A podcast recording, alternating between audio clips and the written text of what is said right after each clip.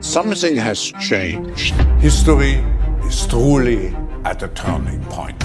We will not go back into an overall rules-based, cooperating uh, global system. It will be a rivalry. Professor Klaus Schwab, the founder and executive chairman of the World Economic this Forum. This is the panel people have been waiting Some for. Some of the biggest leaders in politics and business World gathered. leaders, corporate giants, top academics, they're all coming together in Davos, Switzerland today. It's the start of the 54th World Economic Forum. Klaus Schwab says it's crucial that leaders meet in person as it helps create trust between them. The future lies in being smart, which means digital, being green, and being connected. I think the game changer would be the use of technology. One factor uh, for success is public-private cooperation. But the second factor, Is that the right way to think about this going forward? yes, but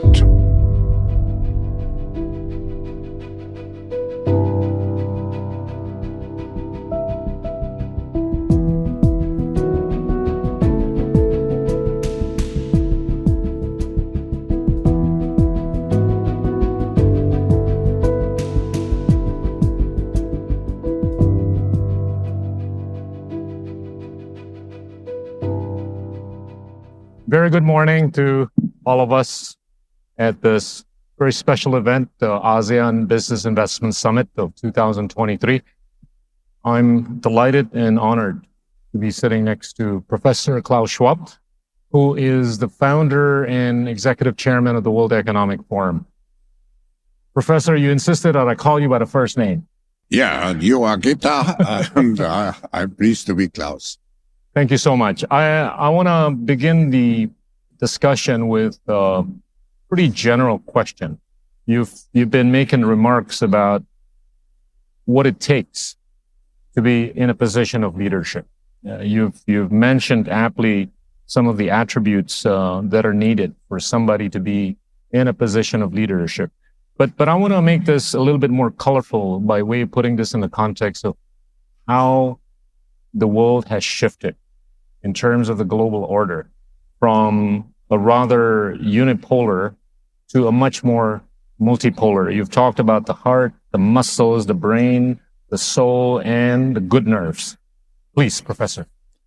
No, thank you, Gita, and uh, it's a particular pleasure for me to be together with you. Uh, I mean, I knew you in your former capacity very well, and now you have become an intellectual. So it's a delight, a delight uh, to to be together. And I want to express also my appreciation for Arsjad, uh, the Kadin uh, chairman.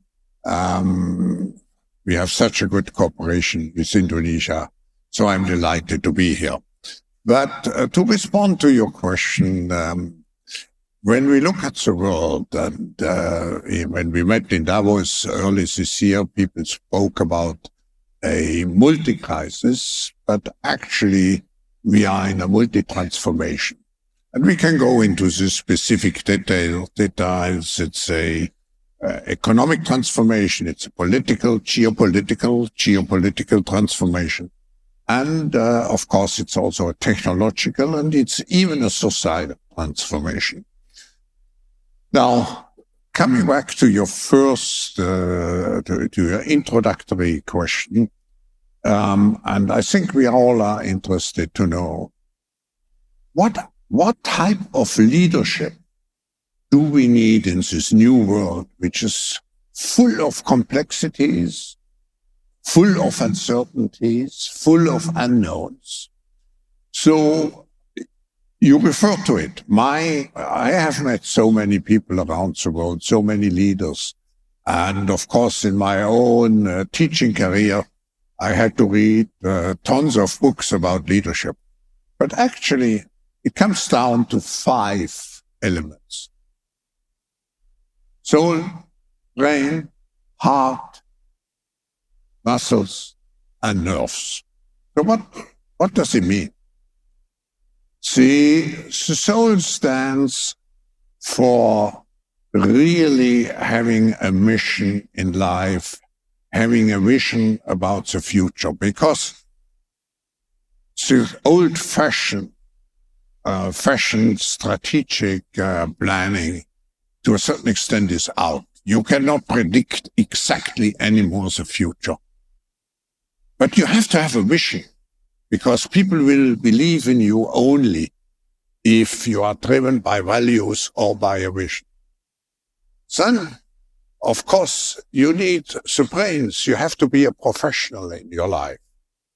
And you need the heart, passion and compassion. I, I think a leader is credible if he shows passion and compassion. And the muscles. You have to translate your vision into action. And finally, in the world of today, you need good nerves. So it would be very interesting uh, to ask the question, who is actually today a leader in the world who, who uh, let's say, corresponds to all the five criteria? But I leave it to you because uh, to, to, to look at, uh, let's say, uh, the respective leaders. Interesting, Professor. I want to share with you an observation about how Southeast Asia has fared in the last 30 years. If you were to compare with, I mean, Southeast Asia's performance with that of China in the last 30 years, from a GDP per capita standpoint, it's, it's rather telling in the sense that the GDP per capita of Southeast Asia in the last 30 years has grown by about 2.7 times, whereas China's GDP per capita in the same period has grown by 10 times. It's, it's largely attributable to four attributes. The first one being the under investment in infrastructure by Southeast Asia. The second, the under investment in education by Southeast Asia. The third would be mm-hmm. governance related. And the fourth would be the lack of competitiveness in Southeast Asia. I want to seek your wisdom on what you think Southeast Asia can do in the next 30 years. And, and I say this with full optimism that we should be able to get way past 2.7 times in the last, I mean, in the next 30 years. Let's um, also not uh, forget that uh, maybe the ASEAN countries are a late starter. So if you compare uh, with China, and uh, I followed uh, China's uh, opening up and reform policies in 79. Uh, it was a very integrated policy and actually uh, coming back to this notion of you need a vision. There was a very strong vision um, starting with Chairman Deng at that time um, for China. And I, I see now a similar vision about the future of ASEAN is developing. And even if you take, uh, I mean, the high uh, compared to the, to the global um, uh, average, the relatively high uh, global growth rate of, let's say, five to six percent. It means doubling GDP of the ASEAN region every 12 to 13 years. So this will be a remarkable progress.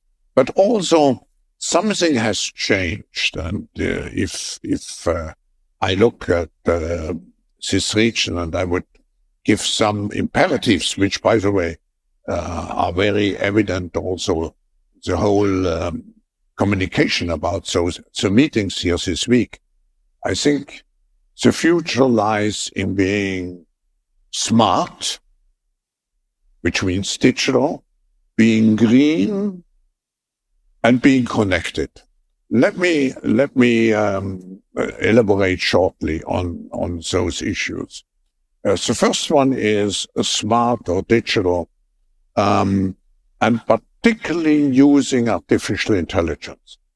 We have to be careful that we don't think in terms of different stages of industrial development and now we, we uh, see ASEAN countries focus on manufacturing and saying, no, um, uh, artificial intelligence and all those technologies of the fourth industrial revolution will be the next step. No, the, the um, success will be in the combination already now of the best production uh, capabilities, which, by the way, include to a large extent today artificial intelligence. Um, if we talk about a green economy, people feel green that's an obligation in order only to keep uh, our uh, nature um, in a good shape um, and uh, to fight climate change. No, it will be in the future a strong competitive factor because green energy with all the innovations which have already been made or which will be made um, will be superior in terms of costs. So a country which moves very fast into green technologies uh, acquires a competitive advantage. And connected, um, I feel the future in this uh, disintegrating world um, will be based on global cooperation, but here regions will play the role of strong pillars of the system. And I'm a big believer in the, uh, we spoke about it uh, before coming in. I'm a big believer in mid powers. It's not just China and the US. I think the new world is a very complex world. Um, it's a multipolar world, dominated maybe by two or three giants, but the middle powers like Indonesia, uh, like Saudi Arabia, like Brazil, will play a very crucial role in this new uh, in this new geopolitical geo-economic context. I want to I want to pick up on this point because as the world is becoming much more multipolar, ironically, I've been saying a few times in the past that multilateralization is at risk to the point where we are sort of like pushed to bilateralize a little bit more than before. And that just intuitively requires countries around the world to focus more on becoming more competitive and more productive. Is that the right way to think about this going forward? Yes, but let, us look what happened. Um, we had the golden age of globalization started probably around 89 with the fall, with the, with the end of the Cold War. And it lasted until four or five years ago. And it was a combination of different factors. It was on the one hand, the driving down of production costs through global supply chains. It was lifting hundreds of millions of people out of poverty and it was governments who eased the process by creating a plain level field. Now, uh, and it was business, it was mainly a demand driven uh, global economy, and it was business which was in the driver's seat. The situation has changed. Today, governments are much more back in the driver's seat because governments have become more interventionist and there are several reasons. The first reason is, of course, um, the, the COVID pandemic, which um, uh, caused governments to intervene much more into the economy, to protect the economy. But then you should not forget we have the race for domination in the new technologies. And the fourth industrial revolution is different for to, compared to the previous technological revolutions. Because in the first uh, technological revolution, uh, let's say a steam engine, you still could copy it. Um, even you could copy uh, uh a primitive uh, computer. But today, to copy a um, uh, complex algorithm or a big database it has become very difficult. So I, I feel the economy is global. To come back to your question, global competition will be driven much more by who masters the fourth industrial revolution. because being first mover or first adapter of those new technologies provides you with an enormous competitive advantage. And what we see also now in the competition between the US and China is not just about which is the dominating global economy or the largest global economy. It's who is really mastering the fourth industrial revolution, which provides enormous power, of course, not only um, in economic competitiveness, but also uh, in using um, your power on a global basis. But it would be interesting. I mean, you are uh, an expert in those in this area. Well, what is your what, uh, Gita? What is your opinion? Well, I'm I'm sitting here with a lot of optimism for Southeast Asia going forward. I mean, if if you were to take a look at the baseline growth rate trajectory for Southeast Asia for the next 20 years, I think it's easy to assume that you should be able to get two to five percent range. Yeah. By way of conventional wisdom. But if you were to add on to that artificial intelligence, call it the fourth industrial revolution. And, and if you were to refer to pundits on this particular topic, some might have referred to a potential economic delta of about 30 to 50 trillion dollars. Some would even go to the extent of 100 trillion dollars. So if we were to just be able to capture a little bit of that, I think Southeast Asia is poised for a really, really great economic future, way beyond a 5% growth trajectory baseline. I would I would agree with you. I'm a, I'm a great optimist for this region, yeah. based um, on its entrepreneurial force. I have seen so many entrepreneurial people in this region, um, uh, but based also on, um, let's say, its innovative capabilities. Um, it's a young generation, um, uh, not fearing uh, technologies, new technologies. That's a big problem. Why do we have a polarization in, in societies in Europe and in in in um, uh, the US? It comes. Well, one of the factors is that older people do not necessarily understand anymore all the complexity um, in geopolitics, in geoeconomics, and particularly in technology. And then they have the feeling they lose control over their lives. Now, here in this region, you have so many people who want to embrace the new world because they see it as an opportunity to improve their lives and to make progress. So um, I'm a big believer that um, let's not fall into the trap of we have to first really masters the third industrial revolution, which means manufacturing, and then to move into the fourth industrial revolution. Because artificial intelligence is a system technology, which means every aspect of industrial production and also distribution, consumption will be penetrated by artificial intelligence. So to use, let's say, the, uh, the manufacturing revolution and to combine it immediately with the, with the new capabilities of artificial intelligence could be the strength of this region. Look forward to that. I want to pick up on the earlier point you brought up uh, in the context of U.S. and China, right? Do you see U.S. and China being in a kind of an Ali Frazier kind of fight, or do you see this as a zero sum game?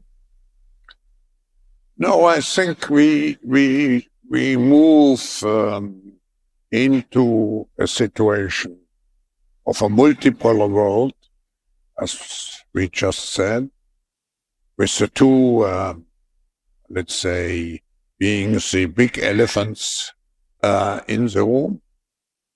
We will not go back to a completely, even if we do have to make efforts, into an overall rules-based, um, um, cooperating uh, global system. It will be a rivalry. And um, the rivalry is not only in terms of competitiveness, it's in terms of values, it's in terms of systems. And, but, um, we are one humanity and we are faced with survival challenges. We, uh, uh, uh, as far as the climate is, change is concerned, but even in artificial intelligence, uh, there are some people who say if we don't keep the ghost in the bottle, uh, it may mean even a threat to our humanity. So we have common problems and we could add migration. We could add many, many else. We could add that the World Economic Forum uh, is now at the moment very much engaged in finding uh, common governance rules for uh, artificial intelligence. So there are areas, and we are working here together with many governments, with uh, the leading companies. There are areas where we absolutely have to work together. So we will not come back to an overall integrated system, but we have to find the touch points right. in this, let's say, multitude of relations where we really have to create win-win situation because we depend so much each on another. Interesting. Professor, in Southeast Asia, we've got 10 economies or governments, four of which are monarchies, some of which are trying to be democracies, and you've got two single party countries, and then the rest are democracies, multi party democracies, right? What what do you think in your mind is the right kind of framework for a PPP strategy to be well executed in this part of the world? I think today is the crucial factor. Well, let me let me go back uh, to a discussion which influenced me very much. One of the wise people of uh, former um, prime minister, um, explained to me, I think it was 30 years ago, um, what the art of uh, governance is, particularly also looking at the differences between the US, Europe, and uh, this part of the region. And he mentioned um, it's always to find the right equilibrium between the individual and the collective. Mm. And whatever the government form is, I think this is today even more important because um, the individual crea- is the base for creativity, for innovation, and so on. But we have to keep in mind the collective interest. So how do you how do you find the right equilibrium? And I think it's not so much uh, this is a question for every country in the world. Um, but again, uh, you, uh, in your teaching capability and uh, as a professor, what is your opinion? I've I've been spending quite a lot of time with uh, the young people who are trying to be entrepreneurs, and I've I've been advocating that it's important for them to think about becoming an entrepreneur despite the government, not because of the government. That creates, I think, a higher degree of resilience. You've talked a lot about resilience, right? And, and I think to the extent that the young generation learns to be surviving, even better, thriving, despite instead of the cause of the government, that I think will create a much more nimble type of framework to the extent that the government becomes more proactive in providing support to entrepreneurship, then I think it becomes it's it's it's a plus and a bonus. It should, it should actually not be despite the government. It should be with the governments. Uh, I mean, the, the World Economic Forum is the global organization. We have this international status uh, to foster public-private cooperation.